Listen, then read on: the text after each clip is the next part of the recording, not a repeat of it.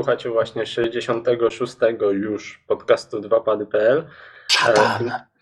Tak, właśnie. Swoją drogą jutro premiera Diablo. Diablo. Projeczki. Diabolo. Nagrywamy w nocy z 14 na 15 maja. Czyli Wśród świec i nekrologów. Pentagram. Spoko Blizzard tak jest opóźniony. Nie wiem, czy widzieliście chińską wersję Diablo 5. A, widzieliśmy, widzieliśmy. Dobra, ale może dokończmy formalności.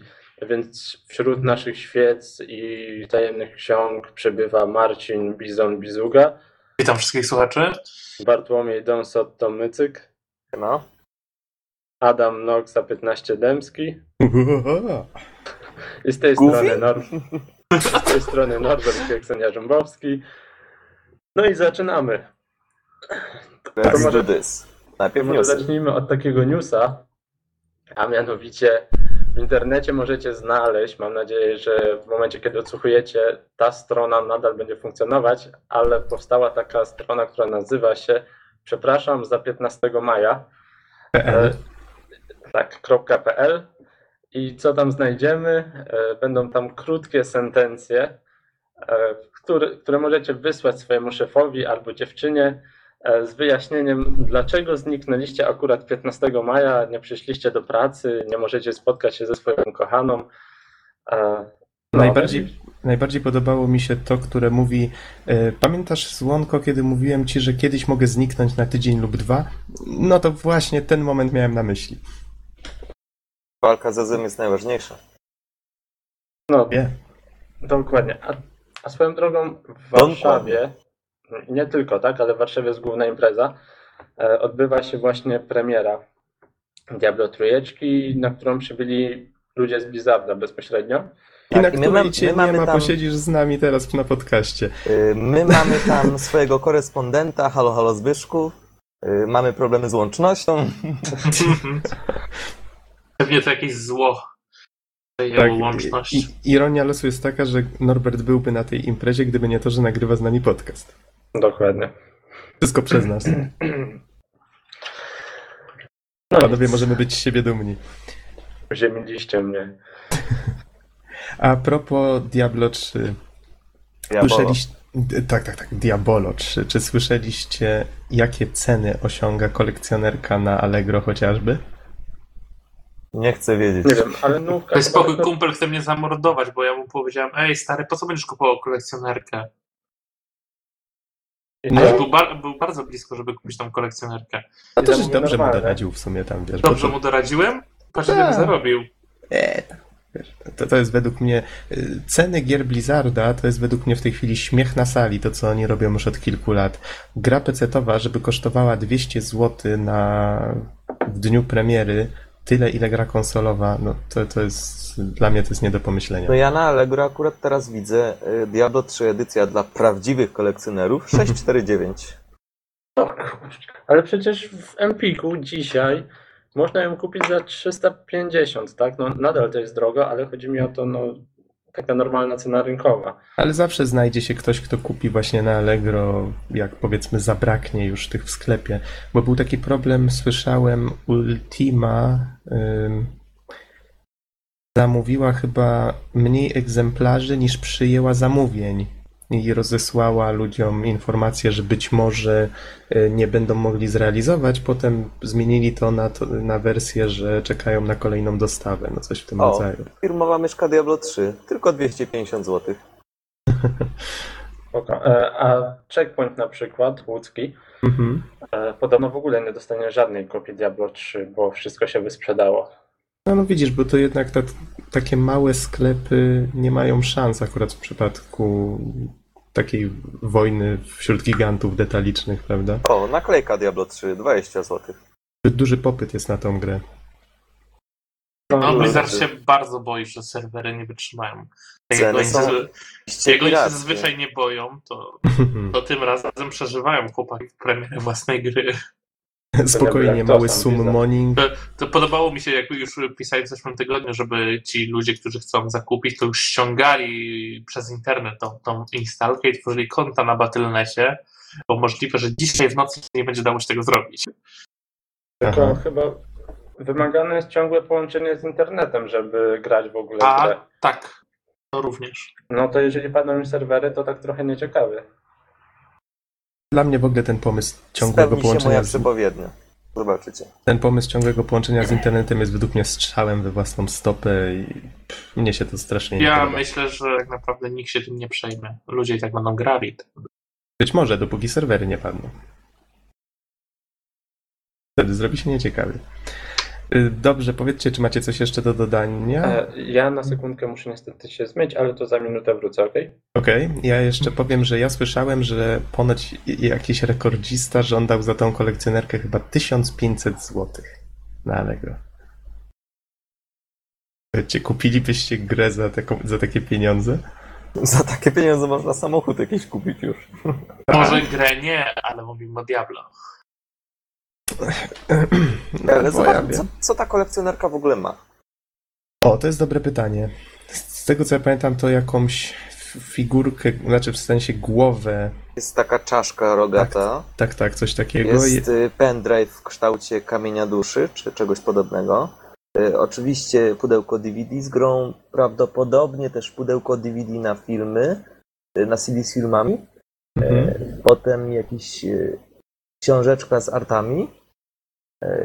I tutaj po prawej stronie też są narysowane jakieś dwie postaci. To chyba one są, jako że kupujesz kolekcjonerkę, to nie wiem, do gry chyba dostajesz albo coś takiego, bo nie orientuję się, co to jest. No to jest jak zwykle jakiś taki zapychacz, żeby coś ładnie się prezentowało na renderze z tym, co zawiera kolekcjonerka, co nie? A to jest po prostu wirtualna zawartość. To, to jest coś, co... Towarzysz, e, towarzysz szaman fetyszów do World of Warcraft. Aha. Lol. To są jakieś DLC, ale dwie główne takie części artbook 200-stronicowy, więc gruba książeczka. W niej okładce, z tego co się orientuję. I ta głowa, o której wspominaliście, e, to ona ma dodatkowo pendrive 4 GB, na którym znajduje się kopia Diablo 2 z dodatkiem. Oczywiście można usunąć to z pendrive'a. Ale nie polecamy. E, Ale ten pendrive dodatkowo, o to chodzi, że wbija się jakby w tą głowę, on jest na specjalnym magnesie, mm, którą wbija się jakby w czaszkę tego Diablo, wsadzając pendrive. Właśnie Taki to widzę, ciekawe, bajer. ciekawe. Taki bajer troszkę, ale no takie są jakby dwie główne części tej kolekcjonerki.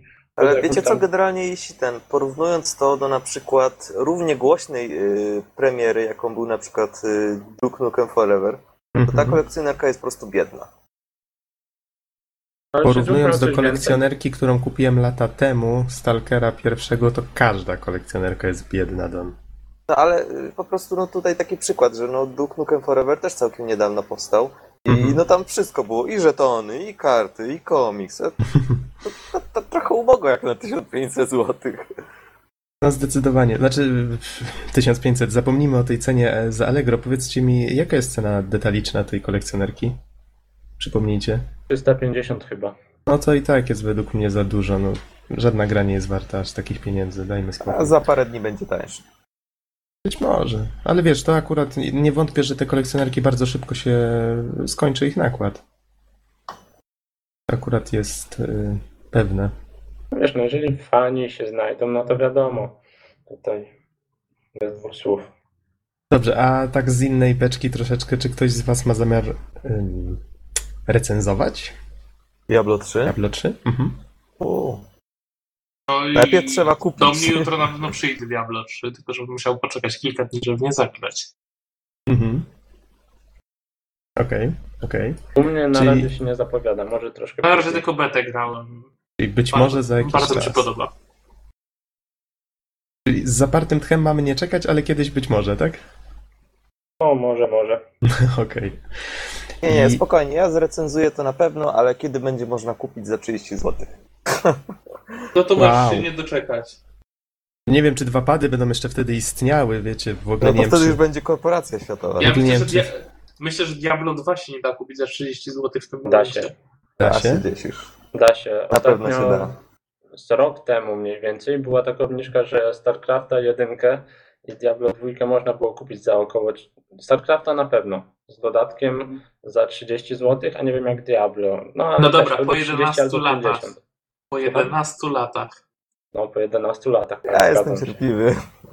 Wiesz, Don, to, że dwa pady będą istniały, to, to jedno, ale w ogóle czy, czy ta nasza cywilizacja jeszcze wtedy będzie istniała, to jest w ogóle inna sprawa. Dobra, przejdźmy dalej. Mam tutaj taki news, który ciebie, Don, może zainteresować. Znalazłem go dzisiaj na cdaction.pl. Specjalnie dla mnie. Tak, mianowicie premiera nowego Tomb Raidera się przesunie. Na I początku... będzie już jutro. Oj, chciałbym. Y, Nie, pierwszy kwartał 2013. U, Jesz, jeszcze trochę roczek. poczekamy. No niestety. Ale mam, nadzie- mam nadzieję, że to, że poczekamy trochę dłużej, bo można poczekać trochę dłużej, ale żeby to było gwarancją tego, że gra będzie lepsza po prostu. Cycki będą większe. No, niekoniecznie to miałem na myśli, ale może być. Tą drogą Bioshock Infinite chyba też się Bioshock. przesunął na 2013. Tak coś Mhm. słyszałem. Tak, tak samo, zgadza się. Y, Tylko niektórzy.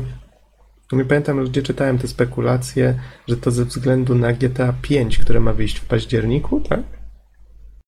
A nie wiem, nie wiem. Znaczy jedni mówią, że to możliwe ze względu na to, że próbują multiplayer dopracować w Bioshocku. Ja swoją drogą do dzisiaj nie zagrałem w multi do dwójki, choć ją mam i przeszedłem. Em, A inni właśnie mówią, że to kwestia GTA 5. No, w każdym razie za, w obie te gry zagramy dopiero na początku 2013. E, O, Inna proszę kwestia... bardzo, może tak jeszcze wrócę do Diablo. Aha. Jest na Allegro za 26 zł z wysyłką 33, Diablo 2 plus dodatek, bardzo ładne wydanie. Także da się, wszystko się da. Ja pamiętam, że można było dostać w pudełku chyba za 50 zł taki zestaw gier Blizzarda. Tam był chyba Warcraft 2 y, Battle.net Edition, y, Diablo chyba 1 i 2 i StarCraft, jeżeli się nie mylę. Ale może starczy już na dzisiaj. To Okej, okej. o, o tej grze. Y, Taka inna kwestia. Pamiętacie, jak y, poprzednio żeśmy mówi, mówili o Beyond Good and Evil 2? I tutaj wspominałem o tym, że Michael Ansel się chwalił, że to dopiero na następną generację i tak dalej. Y, Teraz mówi się, że wyciekł filmik, ale tak jak zbadałem troszeczkę sprawę, to nie jestem pewien, czy to jest wyciek, czy to po prostu. Bo wiesz jak to działa, teraz zawsze coś wycieka, wypływa. No tak, no nie ma, właśnie. że coś wypuszczą. To, to Tylko, że- wycieka niekontrolowanie na oficjalny kanał. Tylko, że za to jest odpowiedzialna strona, którą zaraz znajdę. E, unseen64.net. To jest jakiś serwis, o którym wcześniej nie słyszałem, o którym w newsie nie wspomnieli, a na którym można znaleźć dużo ciekawych rzeczy na temat różnych gier i to są takie materiały na przykład z wersji alfa, czy jakichś innych wczesnych wersji gry, albo z gier, które nigdy nie, nie zostały dokończone, tego typu rzeczy. Ja muszę przyznać całkiem ciekawy, ciekawy zbiór.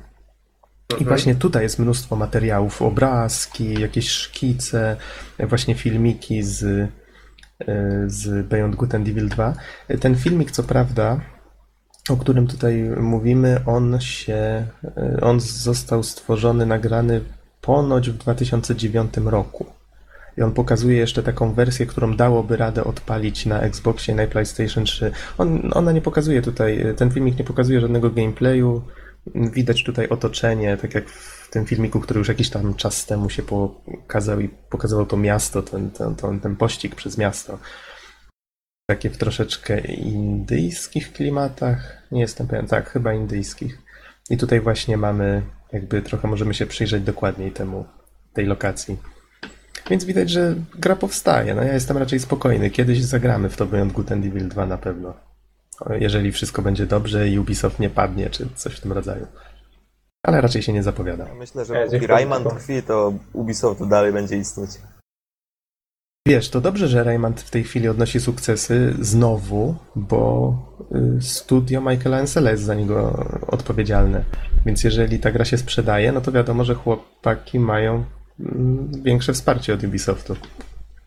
A skoro jesteśmy przy Raymanie, Mhm. to może warto wspomnieć, że właśnie w czwartek najbliższy, e, czyli to może lepiej tutaj datę podać, 17 maja na 3DS-a trafi demo Rayman Origins, bo wyszedł już na wszystkie inne platformy i w sumie nie wiedzieć czemu na 3DS-a strasznie się opóźnił. Podejrzewam, że chodziło o dorobienie tego 3D, w końcu się Mhm. doczamy dema. Gra w sumie chyba jakoś niedługo później ma wyjść. Nie pamiętam kiedy dokładnie.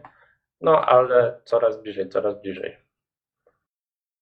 Okej, zanotuję tutaj sobie, żeby wrzucić jakiegoś takiego newsa na ten temat pod podcast. Mhm. Więc co tu ja jeszcze mam? A, wszyscy lubimy darmowe rzeczy. I o tym też żeśmy informowali na naszym Facebooku, mianowicie Epic Games świętuje swoje dwudziestolecie i postanowili, że dadzą fanom w związku z tym album z muzyką z gier właśnie, które wydawali przez te 20 lat, co tutaj mamy. Mamy Unreala oczywiście w różnych wersjach. Główny motyw z pierwszego Unreala, mamy Unreal Tournament 3, mój ulubiony motyw z Unreal Tournament 2004, Hyper, Bla- Hyper Blast Re- Redux. Redux. E, Co tu jeszcze jest? Mamy oczywiście Gearsy, Jazz Jackrabbit 2, Tyrian, Epic Pinball, nawet Jill of the Jungle. Nie wiem, czy żeście słyszeli o tej platformówce. No, jest tu trochę Pewnie, starego, trochę starego staffu tutaj, te, epikowego też jest. Więc link zamieścimy pod podcastem. Y, Co tu jeszcze mam za We newsa? like hard. A, no to może powiedz. Tak, to chyba pisienka na torcie w dzisiejszych newsach. Przynajmniej według mnie. Gra, która będzie się nazywać Cloudberry, czy Cloudberry Kingdom, jakoś tak. E, I to, co jest w niej wyjątkowego, to poziom trudności. Mm, Żeby to po prostu wyrazić, trzeba obejrzeć filmik, bo słowa tego nie opiszą. Generalnie e, na najwyższym poziomie trudności, nazywającym się masochist, wszystko próbuje nas zabić naokoło i platformy, na które lądujemy, i w powietrzu lata setki kulek. A żeby jeszcze było nam się łatwiej skupić, to naokoło błyskają lasery strasznymi kolorami. I generalnie rzecz biorąc, y, ekran gry wygląda tak, że tam nie ma pocisków, gdzie jest bohater. W tym, mam, w tym małym miejscu, gdzie jest bohater, no to tam nie ma żadnych przeszkód. Ja mam Ale nadzieję, to że to dlatego, faktycznie że- jest taka reguła i że ta gra faktycznie nie respi tego tam, gdzie ty stoisz. To by było całkiem zabawne. Nie, nie, myślę, że to tak Że tylko wygląda taką trudną. Tak. No, ale gierka fajnie się zapowiada. Krótko mówiąc, Super Meat Boy to będzie gra dla niedzielnych graczy. Challenge No, W porównaniu z tym poziomem trudności przynajmniej.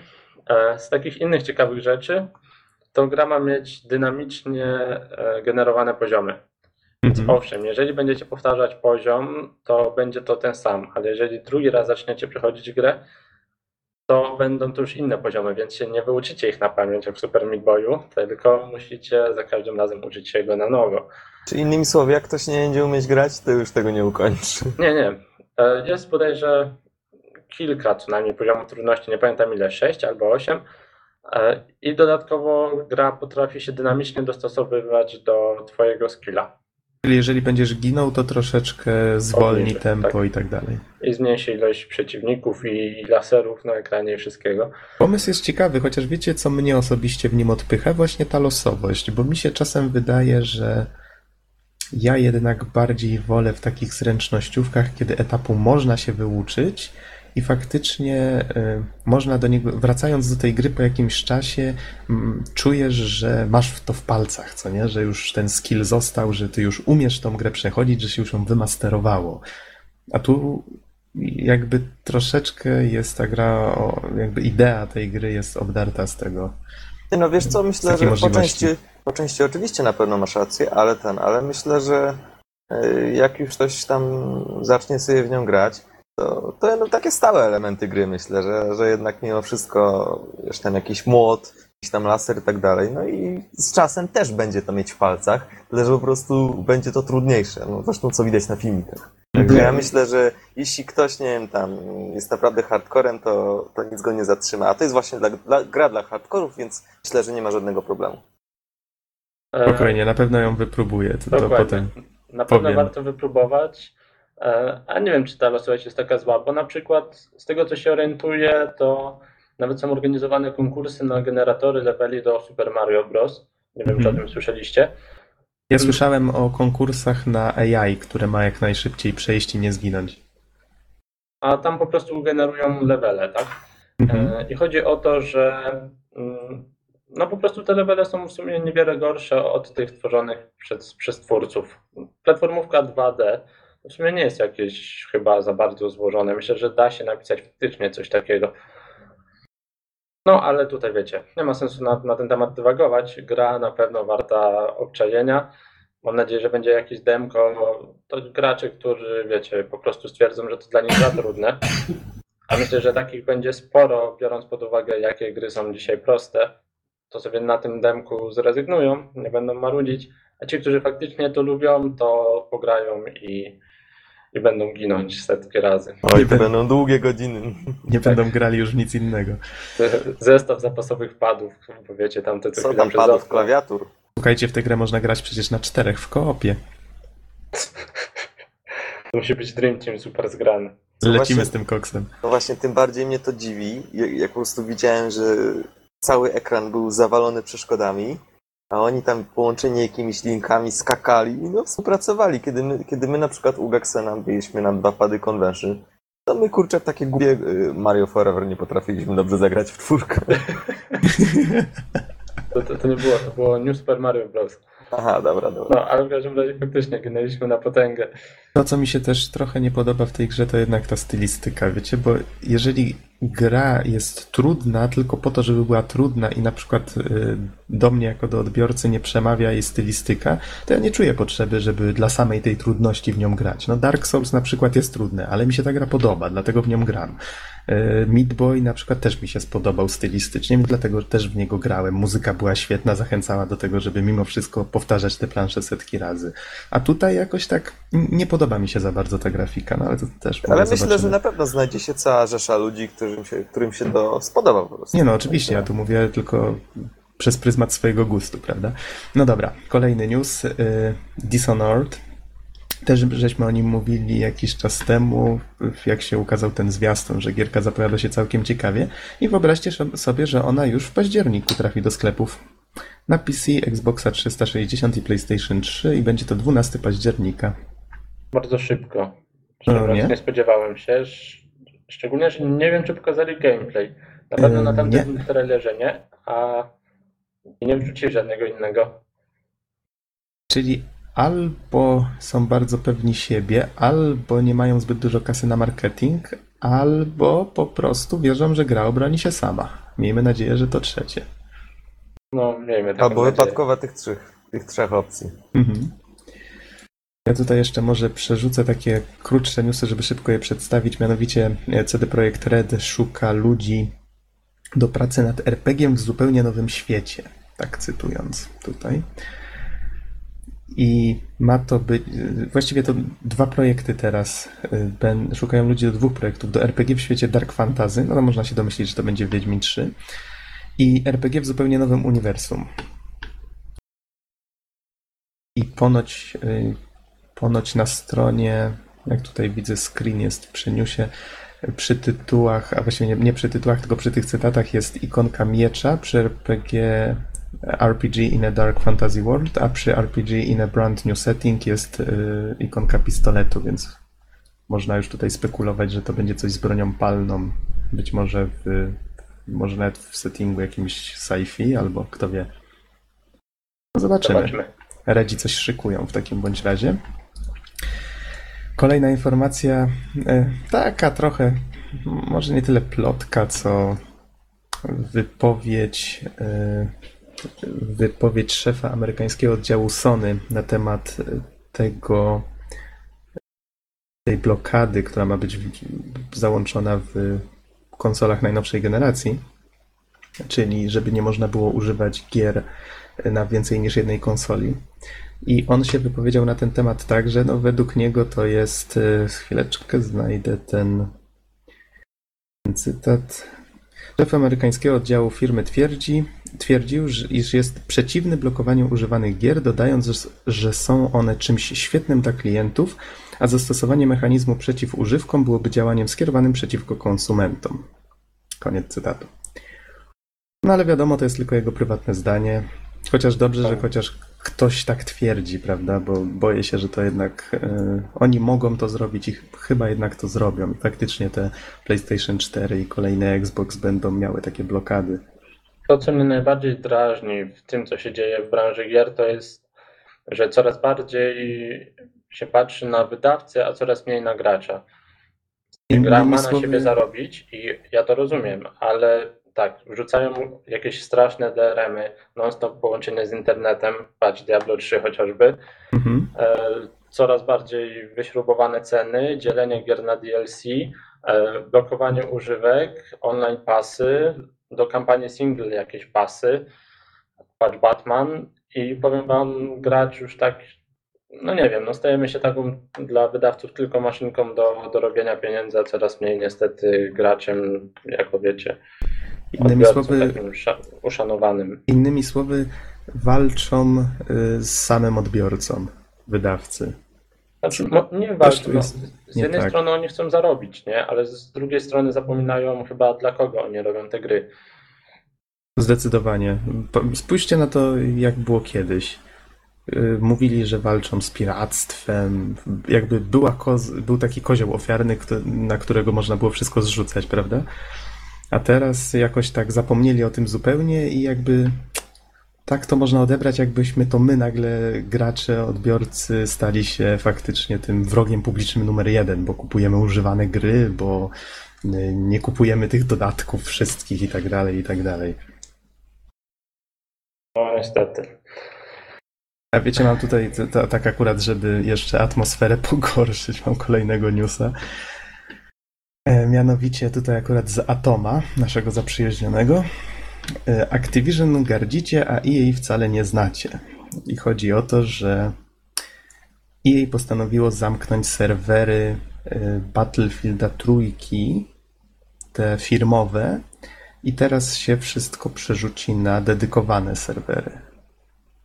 Tutaj spotkałem się z opiniami, że Jeszcze to raz, bo, bo czegoś nie zrozumiałem. Activision postawił zamknąć Electronic. serwer bat...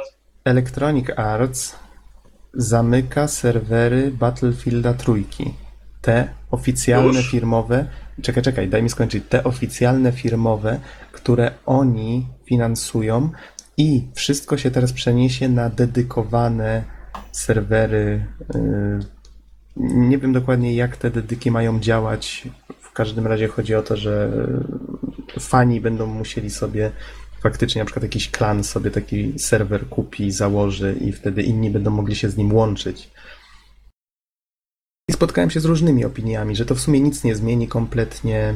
Inni twierdzą, że faktycznie y, to troszeczkę jest. y, Ja, ja w sumie zgadzam się po części z tym stwierdzeniem, że gracze konsolowi nie są przyzwyczajeni do takich dedyków, w sensie, no, no zwróćcie uwagę, jak gram w Uncharted, wiem, że za każdym razem jak odpalę to, on mi automatycznie dobierze jakiś mecz, nawet nie muszę przeglądać czegoś takiego jak lista serwerów, to jest super. I wiem, że jak się połączę, zawsze gramy na tych samych zasadach, tak samo. Tymczasem, jak jest serwer dedykowany, to admin teoretycznie sam ustala zasady. Ilu gra graczy, jakieś tam dodatkowe rzeczy. Nie wiem, czy to tak będzie wyglądało w tym przypadku, być może. Ale tak z doświadczeń e, związanych z PC-tem, no to mniej więcej tak zazwyczaj wygląda. Nie dość, że latasz pół godziny po tych wszystkich serwerach, to nigdy nie wiesz, czego się do końca spodziewać. Nie podoba ci się, zmień serwer i tak dalej. Ale plus jest taki, że możesz sobie założyć własny serwer, wrzucić tam hasło i grać ze znajomymi. Tak też można, oczywiście. Tylko Też widzisz, na tamtych? Mhm. Ja na przykład, mnie się to spodobało w grze w multi na konsoli, że po prostu odpalam grę, włączam to, on sam mi dobiera mecz i znaczy mówię tutaj przez pryzmat Uncharted, w które grałem jednak najwięcej, jeżeli chodzi o multi. I to jest wygodne, to jest fajne. Ostatni raz, chyba, ostatni raz chyba najwięcej grałem w Team Fortress 2 w multi na PC-ta. No to, to jednak jest tak, że człowiek strasznie długo siedzi i szuka tych serwerów, aż trafi na coś, co mu pasuje. Ja mogę dodać swoje doświadczenia z PC-ta z Unrealem, gdzie znowu u kogoś niestety SMS chyba przyszedł. Dobra. W każdym razie, To ode mnie. w każdym razie tam możesz sobie, wiesz, wbijać na serwery z modami, co było fajne, jak miałeś wybuchające króliczki, które cię ganiają. Nie wiem, czy pamiętasz to. No, coś, czego chyba nie da się zrobić, modów zamontować na, no, generalnie na konsolach. No, ustalić własne zasady, no to mówisz, że akurat się da, no, ale mody i możesz mieć jakieś swoje ulubione serwery, no to pewnie też w sumie. No, no to mody zostają tak naprawdę głównym argumentem i ustalanie pewnych reguł, których nie da się ustalić gdzieś indziej. Mhm. No ma to swoje plusy, ma swoje minusy, w każdym razie jest to fakt godny odnotowania. Problem jest taki, że EA ostatnio ma problemy ze swoim wizerunkiem. Nie okłamujmy się. I myślę, że to eh, dorzuci oliwy do ognia. No nieważne, czy to będzie duża, czy mała zmiana, ale jednak ludzie są teraz trochę wyczuleni na tym punkcie. Po prostu kopią pod sobą.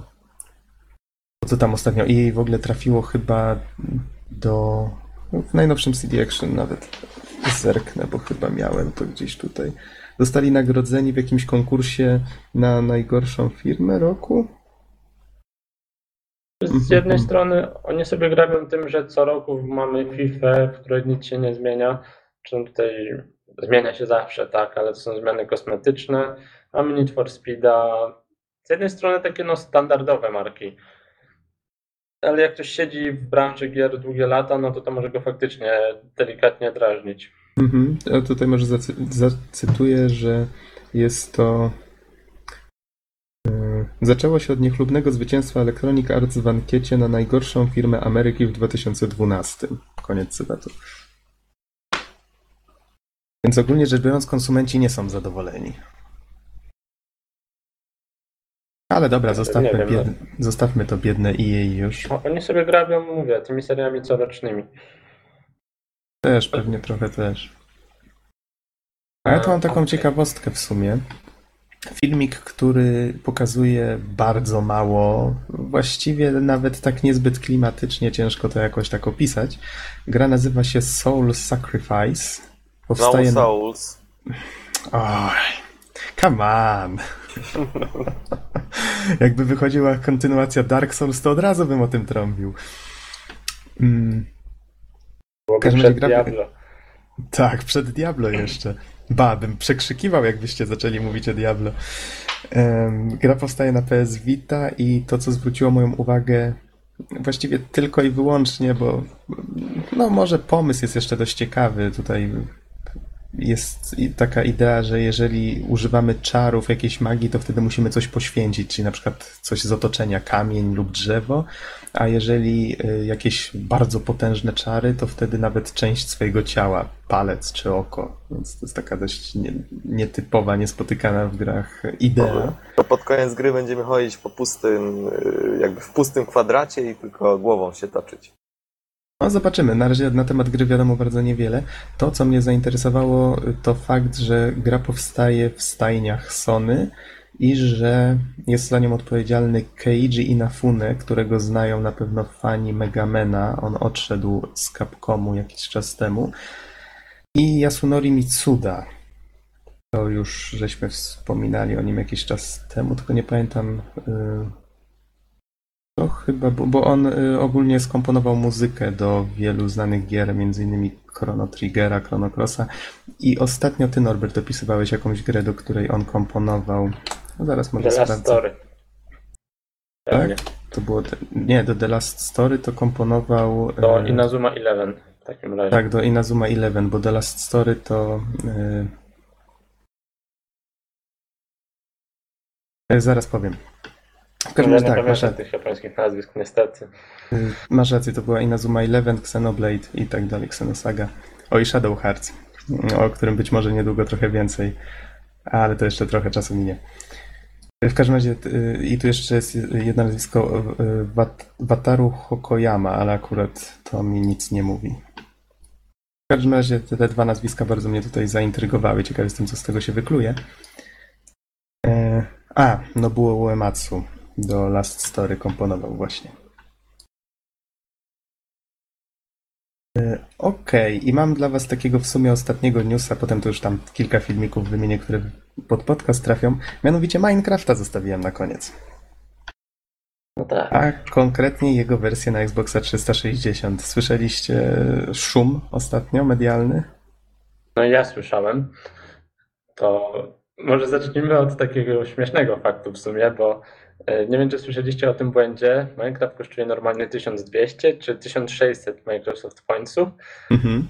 a e, w dniu premiery, parę godzin po właśnie wystartowaniu, na stronie poziomu sklepu na Xboxie był błąd, w wyniku którego gra kosztowała 4 miliardy MS Pointsów.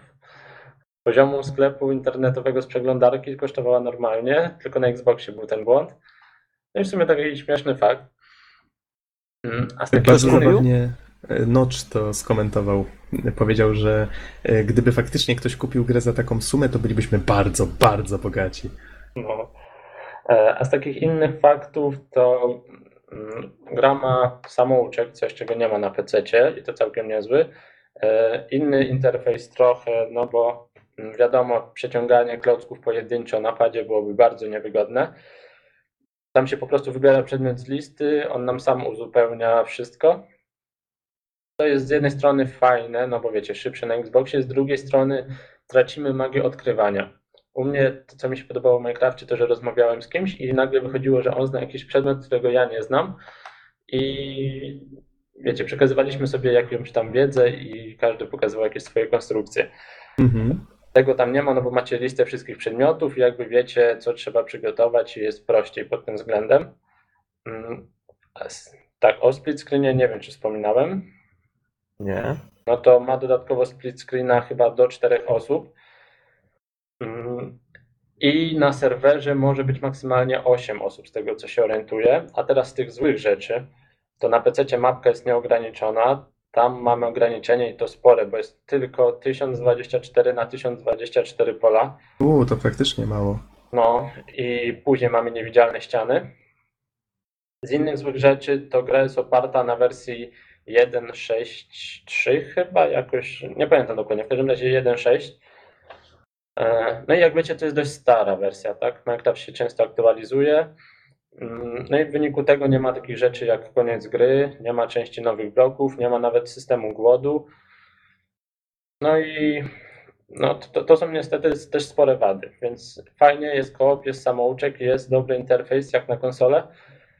A ze, złych rzeczy no to ograniczenie terenu i, i w sumie starsza wersja niż wersja PC-towa. E, Nie wymieniłeś jeszcze jednej rzeczy, mianowicie ten split screen, który, no, żeś, o którym żeś wspomniał i który faktycznie wydaje się bardzo dobrym pomysłem, działa tylko na telewizorach HD.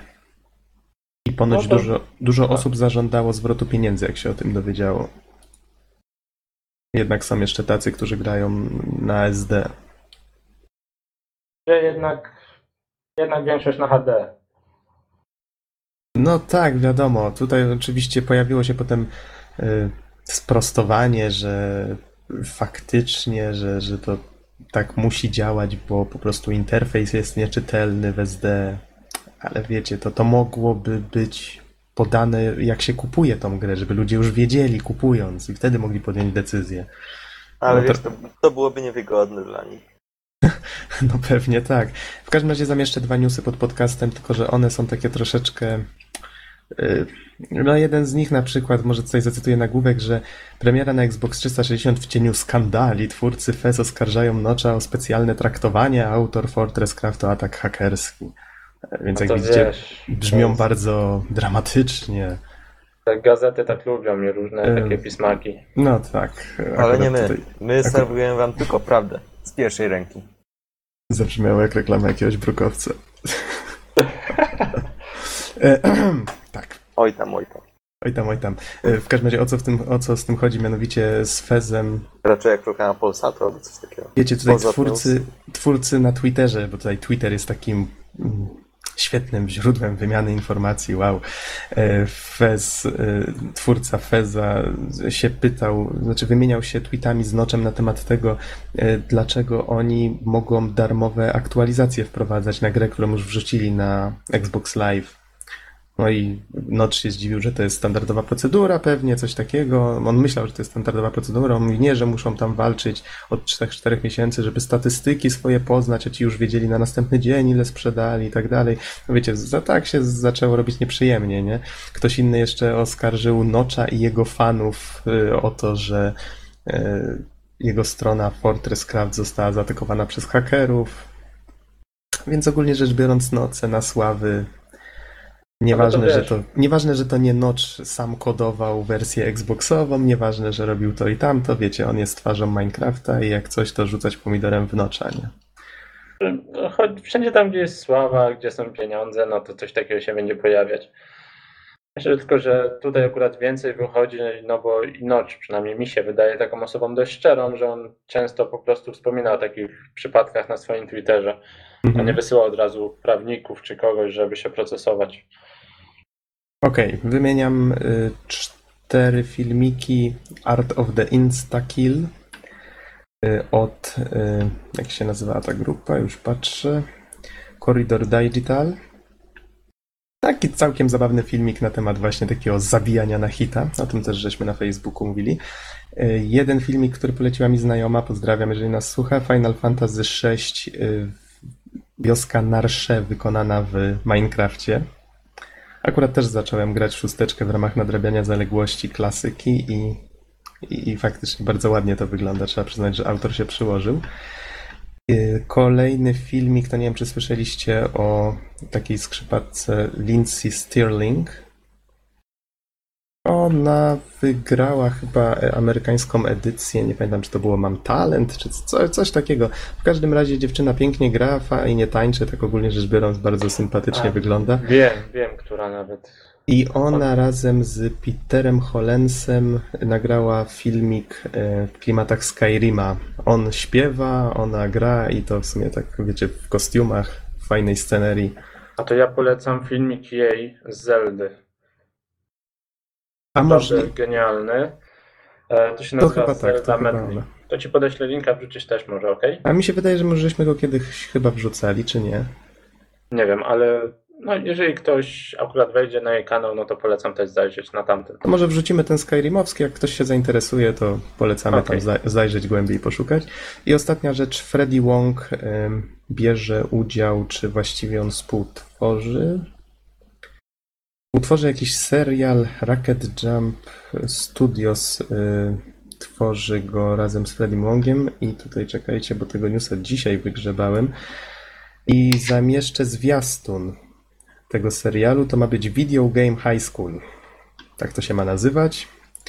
Taki trochę zwariowany humor w klimatach takich, wiecie, oper mydlano-szkolnych, coś w tym rodzaju.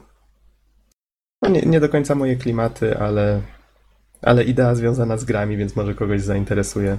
Jeszcze zobaczymy, obejrzę sobie pierwszy odcinek, bo chyba już jest dostępny. Jeżeli dobrze pamiętam, to chyba co tydzień mają się pojawiać kolejne. Pierwszy epizod trwa 12 minut, a tutaj mam napisane.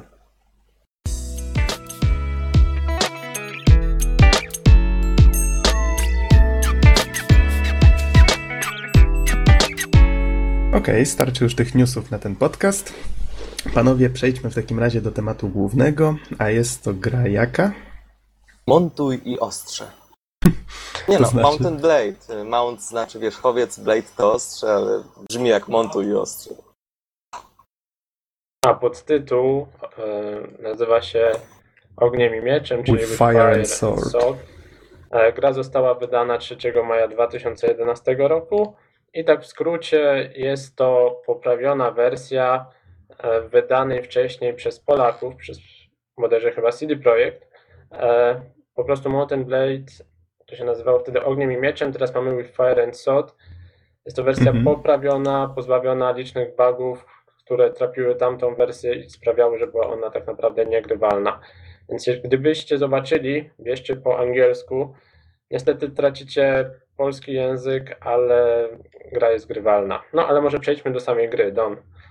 No właśnie, co to w ogóle za gra jest? No, sam tytuł sugeruje ogniem i mieczem, że odbywa się właśnie w czasach, kiedy Rzeczpospolita była nękana przez Szwedów, Kozaków, Rosjan e, i nawet Turcy tam troszeczkę weszli nam. E, Natomiast e, ogólnie rzecz biorąc, jak ona wygląda? Myślę, że najlepsze jej określenie to powiedzenie, że jest ona połączeniem, takim swoistym, specyficznym połączeniem serii Total War i gry Dark Messiah. E, No właśnie, jak teraz to połączenie wygląda? Bo To brzmi trochę jak strony- strategia, w której kierujesz jednostką. Tak. No właśnie, bo z Total Waru można powiedzieć w ten sposób, że zaczerpnięta została mapa strategiczna, e, czyli prawda, duży obszar, e, na którym, na którym są zaznaczone miasta i po którym się poruszamy. Także kompletowanie swojej armii oraz toczenie walnych bitew. Natomiast co, co zostało wzięte, można powiedzieć, e, z Dark Messiah? Otóż przede wszystkim kierujemy losami pojedynczej osoby. E, Możemy to robić z, widoku za pleców, czyli TPP. Ja osobiście preferuję FPP, gdyż moim zdaniem lepiej oddaje klimat. Natomiast y, jak wszyscy wiemy, albo jeśli nie wiemy, to y, krótko powiem, Dark Messiah to jest właśnie gra FPP, w której wcielamy się w rycerza. Y, Możemy walczyć zarówno bronią białą, jak i prostą bronią strzelecką, czyli łuk. Y, Natomiast tam to początkowo y, była to gra, która po prostu y, jako jedna z nielicznych podejmowała mm, jakby motyw walki bronią białą. Natomiast właśnie With Fire and Sword, ogniem i mieczem, także podejmuje ten motyw i system walki został bardzo dobrze wykonany. Znaczy, o ile w Dark Messiah mieliśmy pierwszy przycisk myszy, krótkie jakieś tam uderzenie, czyli mogliśmy sobie tam maszować ten pierwszy przycisk myszy i bohater wykonywał ilość cięć, natomiast y, po przytrzymaniu tego przycisku y, bohater przygotował się do wyprowadzenia dużego ciosu. No i ostatecznie, teoretycznie fajnie to wszystko brzmi, a drugi przycisk myszy to obrona, ale okazywało się, że na multi gracze wykorzystywali tą mechanikę tak, że całe walki wyglądały bardzo sztucznie, e, no i właśnie tak niepoprawnie. Natomiast ogniem i mieczem e, podejmuje tematykę o wiele lepiej. Mamy oczywiście to posługiwanie się bronią białą, różnymi rodzajami broni. E, Od berdysza, czekana, przez lance i szable, także jest tego całkiem sporo. Oczywiście jest także broń strzelecka, która została bardzo fajnie wyważona, czyli e, ten XVII wiek. Mamy ten muszkiet i jeśli celujemy w tą głowę, to faktycznie zabijamy, zabijemy człowieka, natomiast, e, natomiast e, jest bardzo mało celna i nie mamy tej gwarancji, że w ogóle trafimy. Więc jesteśmy Mhm. tym pojedynczym rycerzem, który ma, jest powiedzmy na koniu albo pieszo, z lancą albo z toporem albo z szablą e, i mamy swoją, y, swoją broń. Oczywiście mamy siebie, kontrolujemy, ale mamy także swoją armię. E, Właśnie. E, Ale jak to swoją armię? Czyli y, my dowodzimy w jakiś sposób tą armią? No bo jak kierujemy jednym człowieczkiem, to trudno chyba się skupić jednocześnie na tym i na tym. To tak, tak, było. Byłoby to niezwykle trudne, żeby rozkazywać każdej jednostce, powiedzmy, idź tu, idź tam i jednocześnie machać szabelką. E, Możemy sobie armię podzielić e, i na taki każdy oddział możemy wydać mu e, za pomocą klawiszy F e, od F1 bodajże do tam F któryś e, serię rozkazów. Na przykład jeśli wciśniemy F1, to są rozkazy dotyczące poruszania się, czyli powiedzmy hold this terrain, czyli zatrzymajcie się tutaj, brońcie tego obszaru, e, ustawcie się, zróbcie 10 kroków do przodu, do tyłu. Potem są też rozkazy dotyczące używania broni, czyli na przykład używajcie broni strzeleckiej, używajcie broni ręcznej, czy używajcie dowolnej broni, jakakolwiek wam, wam się zamarzy. I armię można sobie podzielić na kilka oddziałów, czyli powiedzmy jeden oddział szturmuje, yy, drugi oddział yy, zajmuje pozycję i strzela do wroga, natomiast jeszcze trzeci oddział, powiedzmy husarii, yy, biegnie za mną i prowadzę go też znowuż na inną stronę do szarży. I powiedz mi, Gaksen, może jakie są rodzaje tych sił SI? Mamy jakieś rodzaje tych wojowników, które, którzy po prostu służą nam? Jakie to są rodzaje? No najprościej podzielić to na takie trzy podstawowe, czyli e, piechota, która zazwyczaj ma długie piki, żeby bronić się przed konnicą. Do tego dochodzi, dochodzą strzelcy, no i kawaleria. No i w sumie cała bitwa działa trochę na zasadzie kamień, nożyczki, papier. Czyli jeżeli ma, walczymy z oddziałem składającym się głównie ze strzelców, to najlepiej schować się naszą kawalerią gdzieś za górą i kiedy oni podejdą na tyle blisko, wyprowadzić szarżę, tak? Wtedy oni nie mogą strzelać z bliska, przełączają się na walkę wręcz, gdzie są kiepscy. Znowu, jeżeli naszym wrogiem jest na przykład głównie piechota, z pikami najlepiej ustawić się na jakiejś górze z grupką strzelców i w ten sposób ich sobie rozstrzelać. I to jest właśnie fajne, no bo trzeba dynamicznie reagować na to, z kim walczymy, bo nie zawsze to dokładnie wiemy. E, No i trzeba dobierać taktykę zarówno do typu przeciwników, jak i do nacji, no bo różne nacje mają różne typy jednostek. To znaczy No- na przykład? Czyli E, na przykład y, według tego schematu, czyli konnica, strzelcy i piechota z bronią białą, y, na przykład kozacy mają wybitnie dobrych strzelców. Albo na przykład Turcy, y, Turcy nie mają broni palnej, tylko mają same łuki, jeśli dobrze pamiętam. Albo Tak. na przykład y, Polacy mają husarię, która jak wiemy jest najlepszą jazdą i to jest, to jest naprawdę świetna ich zaleta. Czyli No ba. Oczywiście ja z Geksenem tylko i wyłącznie husaria, jeśli jest taka opcja. Więc, więc innymi słowy, y, w tej grze jesteśmy pojedynczym rycerzem, który jest zarówno dowódcą. Dowodzimy bitwą i jednocześnie bierzemy w niej udział. Co jest świetnym rozwiązaniem, świetnym pomysłem w ogóle. Tak, jest to trochę trudne, ale dodatkowo można sobie włączyć widok mapy i też e, z poziomu mapy dowodzić naszymi wojskami. A Jeżeli- istnieje możliwość przełączania kontroli między jednostkami, czy jesteśmy takim bohaterem na stałe, jednym konkretnym i Nie, tego się je- trzymamy? Jednym konkretnym i tego się trzymamy. A jak Tak to zginiemy, to wygląda. broń Boże, trzeba o siebie dbać. Aha. Także na przykład jeśli, jeśli prowadzisz szturm, szarże, husarii, no to, to nie jest tak, że wiesz, że tam bijesz się między 10 wrogów i zadowolony. Po prostu też trzeba na siebie uważać, też trzeba... e, Jeśli włączony jest friendly fire, to trzeba uważać nawet na salwę swoich, żeby nie Mhm. oberwać. A czy gra polega tylko na prowadzeniu bitew, czy to jest jeszcze jakoś bardziej rozbudowane? Y, No właśnie, mamy tutaj tryb single, który jest bardzo rozbudowany. Ja początkowo myślałem, kiedy Gexen mi tą grę przedstawiał, że to właśnie jest takie Total War, tyle że sterujemy jednym wojownikiem i raczej w skierowaniu, y, skierowane w, y, w kierunku tego uniwersalizmu, czyli mamy duże państwo, mamy miasta, mamy swoją armię i tak dalej. Natomiast ku mojemu zdziwieniu, po kliknięciu nowa gra mamy kreację bohatera i statystyki niczym z RPGa. Także utworzyłem sobie postać i, i okazało się, że możemy sobie. Oczywiście zaczynamy w pojedynkę, jako jedna postać. Możemy jeździć sobie między miastami, wykonywać różne zadania, zajść do karczmy, porozmawiać z, z postaciami, także mnie to Ale- bardzo zdziwiło. Y, Ale Gexen może troszeczkę więcej coś powie, bo ja mam za sobą tylko y, kilkadziesiąt minut, a Gexen to ile? 400 godzin? No coś koło tego. W każdym razie e, to jest tak naprawdę, co powiedziałeś, dopiero czubek góry lodowej, no bo w tej mapie taktycznej, kiedy nie toczymy walk, mamy po prostu do czynienia z rasowym RPG-iem, gdzie właśnie toczymy różne polityczne rozgrywki, próbujemy zdobyć dla siebie kontrolę powiedzmy nad miastami albo dla naszego państwa. E, Wykonujemy zadania najprzeróżniejsze. Na początku, kiedy jesteśmy, wiecie, takim małym, niezależnym żołnierzykiem, to jest to, nie wiem, przyprowadzanie trzody dla wioski albo zdobycie pięciu worków pszenicy dla nich. Jest wybijanie szczurów z piwnicy? Nie, nie ma takich rzeczy. E, Za to jest wybijanie ewentualnie rabusiów grasujących gdzieś w okolicy. Myślałem, że w piwnicy. Nie, nie, nie, to takie typowe, wiesz, taka początkująca misja. Mm. Aha. No i później dołączamy do pewnego państwa, w naszym przypadku, no i chyba większości osób, które będą grały, jest to Polska. No i tam się zaczyna, tak? Mm, Większe misje dołącza do nas pan Zagłoba. E, Spotykamy też masę innych postaci z ogniem i mieczem swoją drogą, co jest bardzo miłym smaczkiem. Sympatycznie. Przeprowadzamy rewolucje w innych państwach dosłownie, podbijamy miasta, bronimy Częstochowę i inne tego typu zadania. E, możemy prowadzić oblężenia, podbijać zamki, A możemy będziemy nawet... wysadzać działo y, spod Częstochowy, takie jak Kmicic?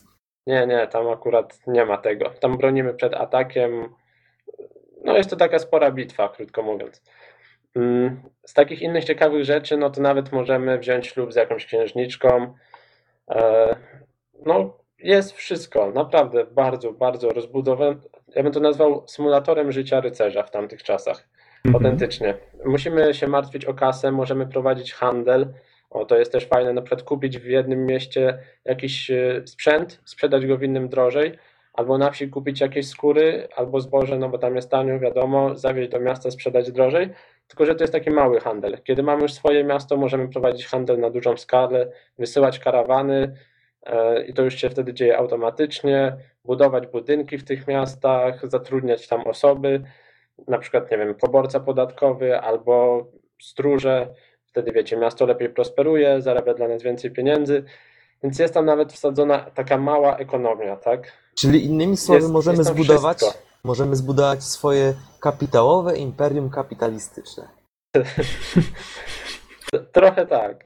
Ale chodzi mi o to, że podobnie jak Minecraft, tak? gdzie nam się nudzi powiedzmy e, eksploracja, to za- zajmujemy się budowaniem.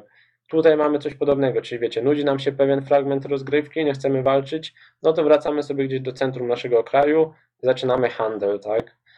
To tak jak ktoś gra- kiedyś powiedział, że wojny wywoływano w przeszłości głównie dlatego, że nudziło im się i chcieli zobaczyć, co u sąsiadów słychać.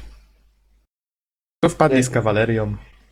Ja, ja słyszałem taką, y, taką legendę rycerską o pewnej księżniczce ze wschodu, która odwiedziła jakiś kraj europejski. Y, Taki jej się spodobał, taki był piękny, że stwierdziła, że chce go podbić. No właśnie. No a wracając do tematu Ciekawe Mieczem, y, chciałbym jeszcze zauważyć, że do dialogów nie ma gry aktorskiej, czyli są same napisy. Y, Natomiast y, wszystkie nazwy polskie oczywiście zostały przekształcone na angielskie. Oczywiście ze stratą dla tych polskich.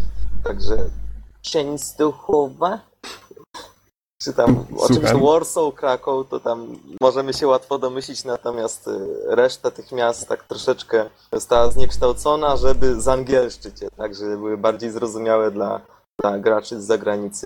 A co na Natomiast ja- początku mój- wymieniłeś? Bo tak nie zrozumiałem kompletnie. Częstochowa. A, okej. Y, I, I na przykład ja pierwszy swój quest wykonałem dla Johna Zamojskiego. No, ale Okej. y, to tyle o singlu, to jest... No tak jak Gexen powiedział, dużo się dzieje, dużo można robić. I, I naprawdę, naprawdę jest co robić przede wszystkim. I po, mi, po tym wyjaśnieniu te 400 godzin wcale nie jest tak dużo. Wbrew pozorom. To znaczy 400 godzin, może tak trochę sprostuję, to jest razem z Mountain Blade Warband, czyli poprzednią odsłoną e, i jeszcze podstawowym. To nie wiem ile mam przegrane, ale już na pewno grubo ponad 100. Więc gra wciąga, co by tutaj nie mówić. Cała seria, jak widzę. Tak. No właśnie, jeszcze ja bym tylko chciał y, dodać jedną rzecz, że właśnie teraz przejdziemy do multi, bo ta gra także ma multi, przy czym kiedy dołączamy się na przykład do multi, do jakiejś mapki, y, to wtedy mamy do wyboru tą jedną z trzech y, profesji, którą, którą wymieniliśmy wcześniej, czyli tam albo konnica, albo strzelec, albo piechota z bronią białą. Natomiast w kampanii pojedynczego gracza nie ma takiego wyboru, czyli możemy rozwijać się w dowolnym kierunku, jaki sobie zażyczymy. Nawet jakąś hyby, hybrydę zrobić tego, co A, ja zrozumiałem. bym, ja bym jeszcze dodał tak do singla, e, no bo faktycznie trochę pominąłem ten motyw RPG. E, Nasza postać leveluje, zdobywamy kolejne poziomy, możemy rozwijać na przykład albo strzelanie, albo na przykład handel, e, jazdę konno, wtedy możemy jeździć na szybszych, lepszych koniach, mm, szybkość biegu możemy ulepszać, krótko mówiąc bardzo przeróżne statystyki. Prócz tego nasze wojsko leveluje, czyli zaczynamy zazwyczaj z jakimiś takimi chłopkami, E, Akurat w tej grze oni nie mogą skończyć jako husaria, ale chłop może awansować na milicję. I, Mhm. I dzięki temu, wiecie, ze zwykłego chłopa będziemy mieli już w miarę dobrego strzelca. No i inne jednostki też mogą awansować na poziom na przykład weterana, wtedy wiadomo, lepiej walczą, więc motyw RPG nie dotyczy tylko nas, ale też naszych wojsk. No i może wróćmy do multi w takim razie. No właśnie, e, jak to wygląda? Generalnie rzecz biorąc, właśnie y, pierwsza rzecz, jaką wypadałoby powiedzieć, że właśnie wybieramy sobie tą klasę. I no powiedzmy, jako Polska, Rzeczpospolita Polska, możemy sobie wybrać też jedną z tych trzech. Oczywiście ja zazwyczaj wybieram kawalerię i oczywiście husarię. Y, Natomiast jak, ten, można powiedzieć, uproszczony, bardzo uproszczony rozwój też jest na multi. Zaczynamy grę z określoną kwotą e, ileś tam 1800 sztuk złota bodajże. E, I za, ten, za te pieniądze kupujemy sobie sprzęt. Oczywiście nie kupimy sobie najlepszego sprzętu od razu, e, więc zaczynamy powiedzmy z jakimś tam szyszakiem, jakąś tam tańszą, tańszą, tańszym ubrankiem e, i, i jakimś e, tańszą bronią. Natomiast im więcej zabijamy, im, im większy mamy postęp właśnie w tym zabijaniu, e, tym, tym po prostu mamy więcej pieniędzy i możemy sobie za to dokupić e, nowe bronie. Czyli można powiedzieć, że w prosty sposób e, się jakoś rozwijamy. Oczywiście e, gra w multi to są tylko pojedyncze bitwy, e, nie ma mapy strategicznej, tak jak w singlu. E, Natomiast występują one oczy- oczywiście w kilku trybach, jak bitwa, e, oblężenie mm, fortu czy zamku, deathmatch, team deathmatch, czy tryb kapitana tak zwanego, który jest dosyć ciekawy, bo we wszystkich pozostałych trybach każdy gracz kontroluje tylko siebie, czyli no, tą jedną postać. E, Przy czym graczy może być, no przynajmniej z tego co ja widziałem, maksymalnie serwery mogły uciągnąć 222 osoby, czyli no można powiedzieć to są takie dosyć masywne, potężne bitwy. Faktycznie Natomiast- dużo. Natomiast Y, y, Jedno pytanie, czy tak. te y, 222 osoby, tak? Dobrze mówię? tak, Są podzielone na dwie strony konfliktu, czy może ich być więcej w bitwie? Y, to są dwie strony konfliktu. E, Kiedy podłączasz się do serwera, to wybierasz sobie, po której stronie chcesz stanąć. Na takiej zasadzie to działa. Ale na przykład w trybie deathmatch, to oczywiście też sobie wybierasz, ale nie ma to znaczenia, dlatego że no, każdy na każdego. Tak to wygląda. Każdy się z każdym bije. Natomiast No y, jest Ja bym, dosyć... ja bym Tak? tylko dorzucił, że w tych pozostałych mamy albo ten tryb deathmatch, gdzie każdy na każdego, a w tych pozostałych mamy na przykład obronę fortecy, gdzie jedna drużyna atakuje, próbuje się dostać na mury, przedrzeć do centrum miasta i je zająć, a druga go broni.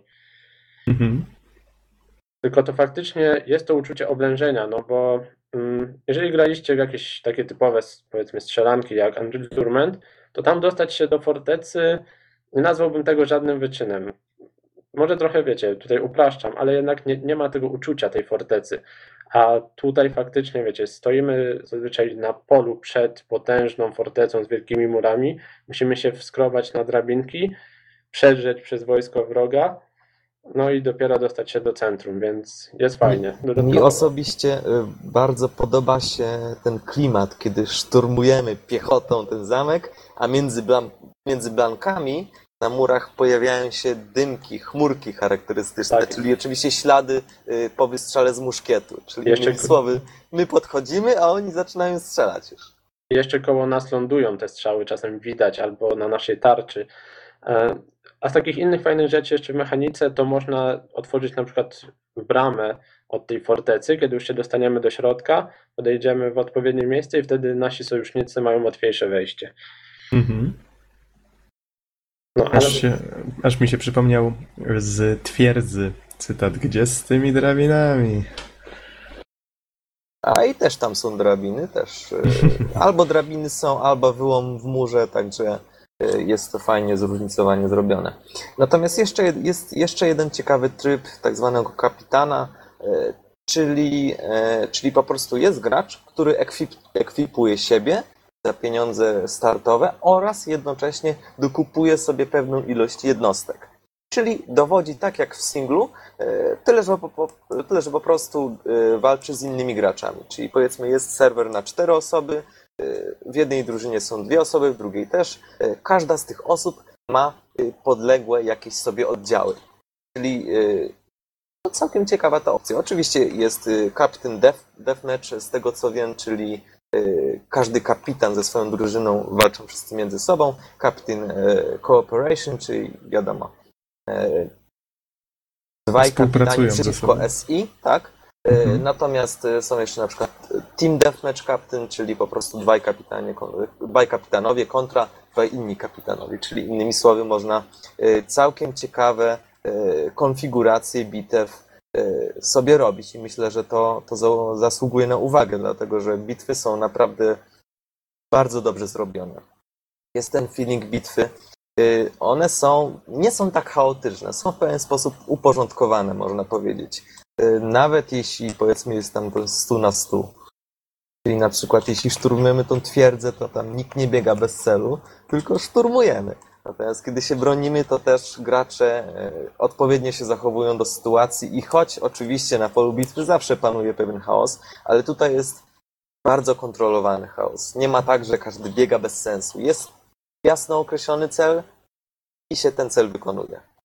Mhm. Natomiast y, pewnie jak tak nas słuchacie, to, to pewnie albo sobie próbujecie odtworzyć y, wideo, które znajduje się po- pod, pod podcastem, albo próbujecie znaleźć jakieś inne informacje, na przykład YouTube, na YouTube y, o gameplayu tej gry. Muszę od razu was ostrzec, że ta gra nie wygląda świetnie, nie wygląda jakoś epicko, jeśli chodzi o, o właśnie na przykład krajobraz i tak dalej. Natomiast też na YouTube ciężka sprawa, dlatego że y, powstało dużo różnych wersji tej gry.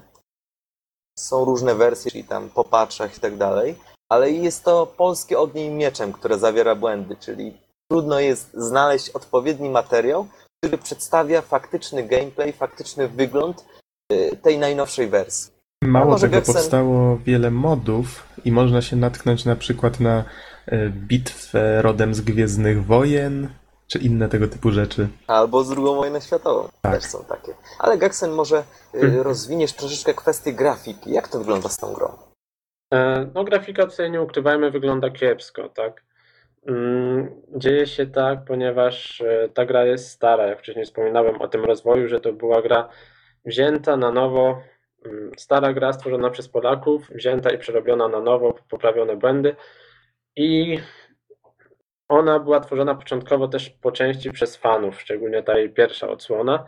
Niestety, tak jak już wcześniej wspominałem, no, grafika nie jest niczym ciekawym. Może może nie, nie rozwijajmy się na ten temat, no bo tutaj nie ma niestety nic więcej do powiedzenia. Na sekundkę się wtrącę, czyli rozumiem, że ta gra też zaczynała jako mod. Znaczy ta Tak. wersja, tak? Gry. I tak i nie, tutaj lepiej to pominąć. No, krótko mówiąc, były zarzuty co do tego polskiego ogniem i mieczem, że to mógłby być w sumie mod do tej podstawowej wersji Mountain Blade, nawet nie Mhm. do Warbanda, no bo Warband ma już ładniejszą grafikę, e, ale on był niekompatybilny z podstawką, krótko mówiąc z e, ogniem i mieczem. I no i dlatego z jednej strony, owszem, jest to tylko mod, można to tak nazwać, z drugiej strony jest to coś więcej, skoro nie jest kompatybilne. No i chyba mechanika wykonywania questów faktycznie jest poprawiona, no i mechanika strzelania na pewno broni palnej w stosunku do tej podstawki. Mhm. Także tak to wygląda z grafiką. Ja osobiście od siebie muszę jeszcze dodać, naprawdę muszę, e, że animacja jazdy konno jest po prostu epicka. Kiedy widzę jakiegoś gracza, który galopuje na swoim koniu, to naprawdę wygląda to tak, jakbym oglądał prawdziwego konia. Że ja tam za dużo prawdziwych koni nie oglądałem, ale animacja, ta jedna animacja szczególnie wygląda bardzo przekonująco. Takich animacji i gier właśnie, które, e, w których ważną rolę odgrywała jazda konno, to ja do dzisiaj wspominam Shadow of the Colossus. Słyszałem jeszcze, że w Red Dead Redemption jest to bardzo fajnie zrobione. Tak, jako ciekawostka. A pewną ciekawostką jest także fakt, że, że opanowanie walki y, bronią białą, czyli na przykład lancą, y, szablą, to nie jest trudna rzecz, prawda? No, mamy, możemy wyprowadzić atak z różnych stron. Jeśli powiedzmy ktoś wyprowadza atak z góry, to my musimy drugim przyciskiem myszy też bronić się od góry. I tak miecz, poprzek i troszeczkę do góry umieścić. Y, Natomiast opanowanie ich, ich jest całkiem proste, ale opanowanie na poziomie mistrzowskim to już wymagany jest czas, precyzja i cierpliwość. Generalnie rzecz biorąc, bardzo fajne jest to, że nawet będąc muszkieterem, czyli po prostu osobą, która ma karabin jednostrzałowy, która musi długo przeładowywać, panowując go, możemy mieć nawet duże szanse przeciwko husarzowi, jeśli, jeśli po prostu dobrze się bronimy, jeśli mamy to opanowane. Także, także po prostu każda, każda profesja wymaga osobnej strategii, osobnego podejścia, ale jak się ją opanuje, to można powiedzieć, że jest się królem na polu bitwy. Mhm. No, ale ja bym jeszcze pozostał trochę przy mechanice, mianowicie została ona dopieszczona do, do najmniejszych detali. Powiedzmy, jeżeli szarżują na siebie dwie osoby na koniach i jedna drugą zabije poprzez na przykład sieknięcie szabelką, to nie to, że jest jakaś sztywna animacja mm, spadania z konia. Owszem, najpierw ta animacja ginięcia jest, później się włącza ragdoll, w wyniku czego czasem to ciało jeszcze przygalopuje jeden, dwa podskoki na tym koniu, w sensie tak się powoli z niego zsuwając. To jest naprawdę pięknie wykonane, pięknie to wygląda w tym całym e, zamieszaniu bitwy. Ale takich rzeczy jest więcej. No nie wiem, takie detale, jak na przykład, jeżeli macie tarczę, którą z jakichś powodów akurat niesiecie na plecach, powiedzmy, że macie broń dwuręczną i ktoś wam chce strzelić w plecy, trafi w tą tarczę, to nie dostaniecie pocisku. Tarcza go zatrzyma. No i takich detali jest masa, tak? Można podciąć konia, zabić wrogowi konia, zamiast uderzać bezpośrednio w niego. Jedny konik. Setki takich różnych rzeczy, które wpływają na taktykę walki i którą gracze wykorzystują i można wykorzystywać zarówno w singlu, jak i w multi. Co do Ragdola, ja jeszcze dodam, że ja, ja używam e, trybu FPP, Gexen TPP.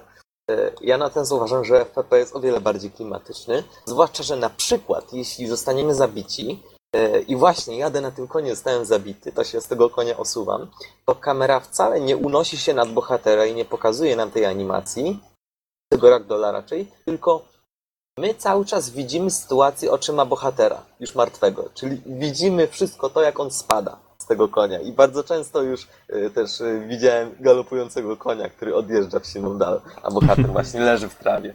Także, ojej, chyba obrałem. O, o, o, suwam się, o.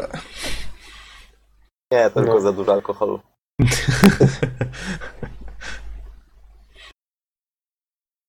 No dobrze, o czym jeszcze nie wspomnieliście? O muzyce chyba nic nie mówiliście. A, właśnie. I Dźwiękach. tutaj jest taka, taka trochę ciężka sprawa, bo Aha. Moim zdaniem mm, muzyka z jednej strony to jest właśnie taka. Nie można powiedzieć o tym, że nawiązuje do, do muzyki z ogniem i mieczem. To jest taki troszeczkę orientalna muzyka, bo wiadomo, Rzeczpospolita obojga narodów to był taki kraj teoretycznie o takiej wschodniej troszeczkę tradycji, troszeczkę orientalny, troszeczkę zachodni. Y, Więc ta muzyka jest tak, także nawiązująca do tych klimatów. Natomiast na dłuższą metę, mimo kilku ciekawych kawałków, jest po prostu drażniąca. Także ja znalazłem na to świetny sposób. Y, Do gry włączam sobie kawałek y, z ogniem i mieczem, właśnie ten taki troszeczkę dramatyczny, y, wtedy kiedy ten kawałek, który był odtwarzany podczas sceny, kiedy właśnie husaria w błocie, prawda, tam się biła. Pamiętam, Tak, i pamiętam. to właśnie ten piękny kawałek i ja do tego gram i muszę powiedzieć, że właśnie gra wiele na tym zyskuje. Mhm. A dźwięki? Ja wiem, że to jest taki element gry, na który zazwyczaj się nie zwraca uwagi, jeżeli jest dobrze zrobiony, ale może jakieś spostrzeżenia? Mm, Myślę, jak- że myślę, że jest zrobiony dobrze. Wiadomo, Mhm. mamy dźwięk, kiedy na przykład lanca się wbija, odpowiedni dźwięk, mamy dźwięk y, dobry, kiedy bohater obrywa, czasem, kiedy na przykład atakujemy, to tam hej, hej jakieś tam sobie krzyknie dla, dla, dla, dla hecy. Natomiast y, troszeczkę drażni mnie to, że kiedy na przykład wygramy bitwę, y, to wtedy się cieszą żołnierze. No i tam krzyczą ro i tak dalej. Natomiast y, drażni mnie kwestia po polsku. Aha. Wyobraźcie sobie, że widzimy szlachcica z karabinem, który go unosi, albo z szablą i mówi Wiwat Rzeczpospolita. Trochę martwym głosem, tak jakby, nie wiem. Ja miałem wrażenie, że, że, po prostu, że, że po prostu twórcy tej gry wyszli na ulicę ze studia, wzięli jakiegoś pana Zbyszka w średnim wieku. Ej ty, chcesz trochę zarobić? Chodź, chodź, chodź, przyjrzasz to. No, czytaj. No i, i właśnie tak to wyglądało. Jest hurra, Ale- ale- wygraliśmy bitwę. A- Ale ja bym dodał tylko, że no, tylko polska kwestia tak czerstwo brzmi niestety, E, ale fajne jest to, że właśnie mm, coś, co, co się często w grach zdarza, że wszyscy mówią po angielsku. Tutaj nie. Tutaj, e, jeżeli zabijamy powiedzmy jakiegoś, e, mm, no nie wiem, powiedzmy kozaka, To, on o, ratuszkie coś. no, coś takiego, w każdym razie jakimś takim ruskim czy, czy ukraińskim tekstem rzuca, podobnie z Rosjanami i, i tak dalej. Mhm. Przy czym te, to nie jest taki, wiecie, taki okrzyk, trzeba was w ogóle zagłuszy, tylko słychać tak to delikatnie. To jest taki bardzo miły smaczek, że każdy naród ma swój język zachowany. Choć Mm. nie da się ukryć, że aktualnie teraz, w czasach na przykład Empire czy Napoleona, to jest standard. No tak, po części tak, ale to jest taki miły smaczek. No dobrze, panowie, powiedzcie, czy jeszcze chcielibyście o czymś wspomnieć? Mówiliście o singlu, mówiliście o multi, zahaczyliście o grafikę, muzykę, o tym, jak tam działa ta cała mechanika. No teoretycznie poruszyliście bardzo dużo kwestii. To ja bym Podsumowo... Będziecie już zmierzać do podsumowania, czy jeszcze chyba chcecie tak. coś rozwinąć? Ja bym Chyba chciał tak. jeszcze jedną drobną kwestię poruszyć. Aha. E, dlatego, że jak wspomniałem, tryb dla pojedynczego gracza jest czasochłonny. On wymaga dużo czasu, prawda, żeby się wczuć w swoją postać, żeby rozwinąć swoją armię, żeby jakieś tam chociaż jedno miasteczko zdobyć i jakieś tam zyski mieć. Natomiast y, ja bardzo lubię tą grę, lubię grać w nią na multi, razem z Geksenem lub bez Geksena, raczej z Geksenem. Jak zaczynamy o 22, tak o drugiej kończymy. Y, Natomiast y, to zrozumiałe jest to, że żeby na przykład zarządzać jakąś epicką bitewką, fajną, skręcić sobie pojedynek, potyczkę, to niekoniecznie mam ochotę babrać się całymi godzinami w singla, tylko po prostu y, wciskam, prawda, custom battle, chcę sobie urządzić pewną ustawkę, powiedzmy na skraju lasu. Tutaj wielkie rozczarowanie z mojej strony, dlatego że po pierwsze mamy bardzo mało map tego custom battle. Mamy tam bodajże bitwa na moczarach, bitwa o jakieś miasteczko, o drugie miasteczko, potem, e, potem jakieś oblężenie małego fortu i dużego fortu murowanego. I to by było tyle. Tylko tyle map mamy do Custom Battle. Przy czym ilość e, map, jaka jest na singlu, czyli na przykład e, Warszawa odtworzona, inne miasto odtworzone, jest naprawdę potężna ilość tego wszystkiego. Natomiast właśnie nie możemy sobie tego odtworzyć właśnie w pojedynczej bitwie. Mm, Przy czym mm, jeszcze ustalanie stron konfliktu i ich armii to też jest jeden wielki żart. Dlatego, że maksymalnie dla każdej strony możemy przydzielić po 200 żołnierzy. Mm, Natomiast wybieramy sobie, prawda, Rzeczpospolita Polska dla nas, y, czy tam Szwedzi i wybieramy sobie przeciwnika. Y, Natomiast y, wybieramy sobie też oczywiście dla siebie profesję y, i wybieramy sobie, jakie mamy mieć wojska pamiętacie te trzy klasy, o których powiedzieliśmy, to mamy takie trzy suweczki i sobie wybieramy na przykład husaria, czyli konnica 50%, strzelcy 25%, a piechota z bronią białą też 25%. I powiedzmy całość ludzi 200. I na tej podstawie jest tam obliczana armia. To samo z armią przeciwnika. Czyli innymi słowy jest to bardzo proste rozwiązanie, stanowczo za proste. Z tego co wiem, Ja jeszcze będę miał takie jedno pytanie, bo mówiliście o tym, że jest tyle i tyle osób w multi, a teraz jak e, o tym wspomniałeś, to sobie przypomniałem, jakiej wielkości są bitwy w singlu? Ile to jest osób na tej, na tej murawie tam się zebra, zebrało? Myślę, że w tej sytuacji Geksen będzie y, w stanie od, udzielić odpowiedzi jakiej bardziej wiarygodnej. Tak, więc jakby liczbę osób mamy regulowaną w opcjach, a raczej no liczbę żołnierzy. E, maksimum jest to 150 naraz na polu bitwy. Przy czym Mhm. wiecie, to każda jednostka ma swoją inteligencję, swoje zachowanie, więc to też jest trochę mocy obliczeniowej zżerane. E, ale mm, jeżeli mamy większe wojska, tak? U mnie największa bitwa, jaka się zdarzyła, to bodajże 800 na 800, czyli naprawdę spory rozmach, to kolejne oddziały przybywają jako posiłki. Po prostu Jednocześnie mapy na polu bitwy- do nas. Jednocześnie na polu bitwy może być 150 po jednej stronie, 150 po drugiej stronie, tak? Nie, nie, łącznie 150. Ale to jest i tak ogromna ilość, uwierzcie mi. Czyli to jest jedna z tych gier, w których faktycznie większa moc obliczeniowa mogłaby się em, przekuć na jeszcze większy rozmach, jeszcze większe bitwy. Tak. To by mogło być. Są, są mody i mody pozwalają zwiększać dodatkowo ilość. Aha. Tylko mody chciałem zostawić na, na koniec jeszcze. Ja mam jeszcze tylko dwie drobne uwagi co do Custom Battle. Podsumowując, zostało to zrobione stanowczo, zbyt prosto. Nie możemy odtworzyć y, tak dobrych bitew, jakie możemy sta- staczać na singlu, co jest wielkim bólem. No bo powiedzmy, ja bym chciał to zrobić, a nie mam czasu na singla, nie mogę. Natomiast jest jeszcze jedna istotna rzecz, jeśli chodzi o zarządzanie wojskiem.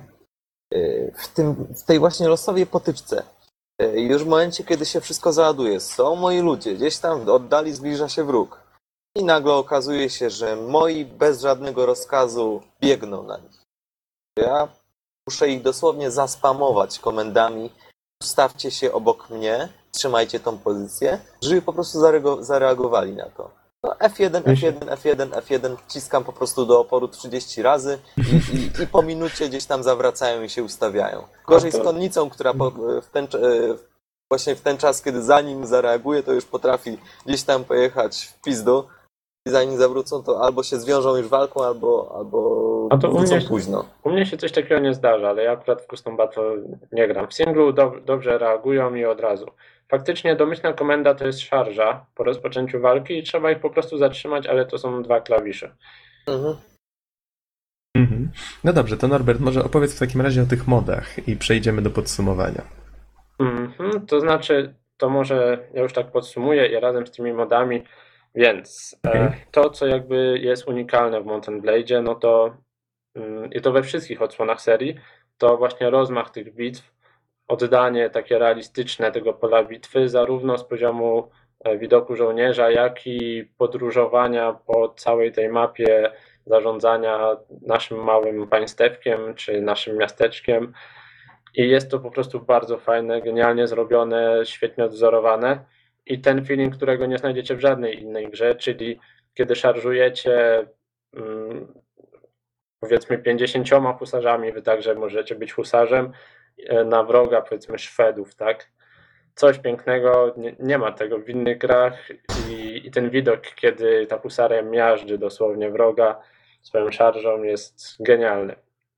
E, A wracając do modów, no więc, jeżeli po prostu Was nie, kręc, nie kręcą klimaty patriotyczne, to bardziej polecam wyposażenie się w grę Warband, w sensie Mountain Blade, ale odsłona Warband, a Mhm. nie ogniem i mieczem, e, ponieważ tam jest troszkę ładniejsza grafika, nawet sporo.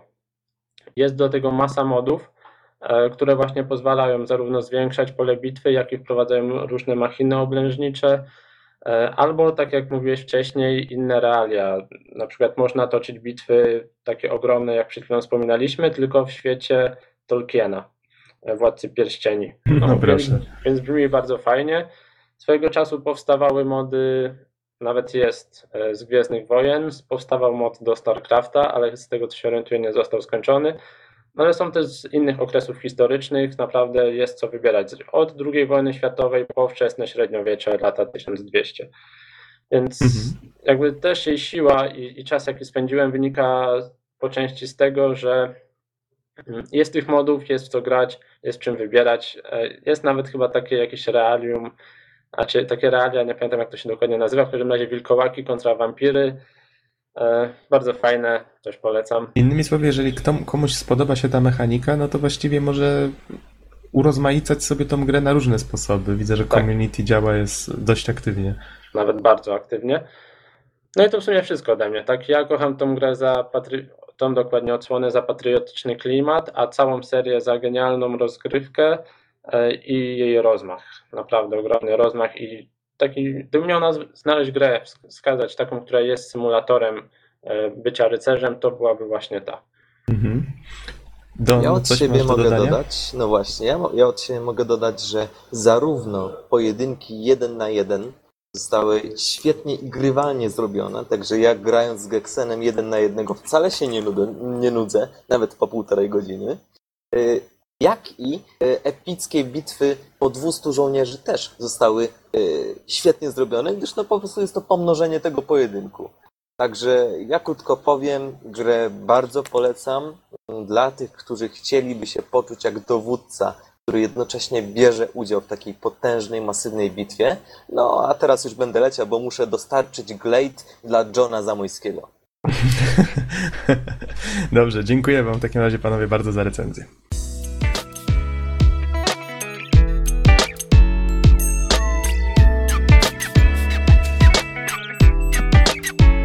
Wracamy po krótkiej przerwie, aby pożegnać się już z wami. Dziękujemy wam bardzo za słuchanie i do usłyszenia w następnym podcaście. Trzymajcie się. Do usłyszenia. Trzymajcie się do następnego odcinka. Na razie.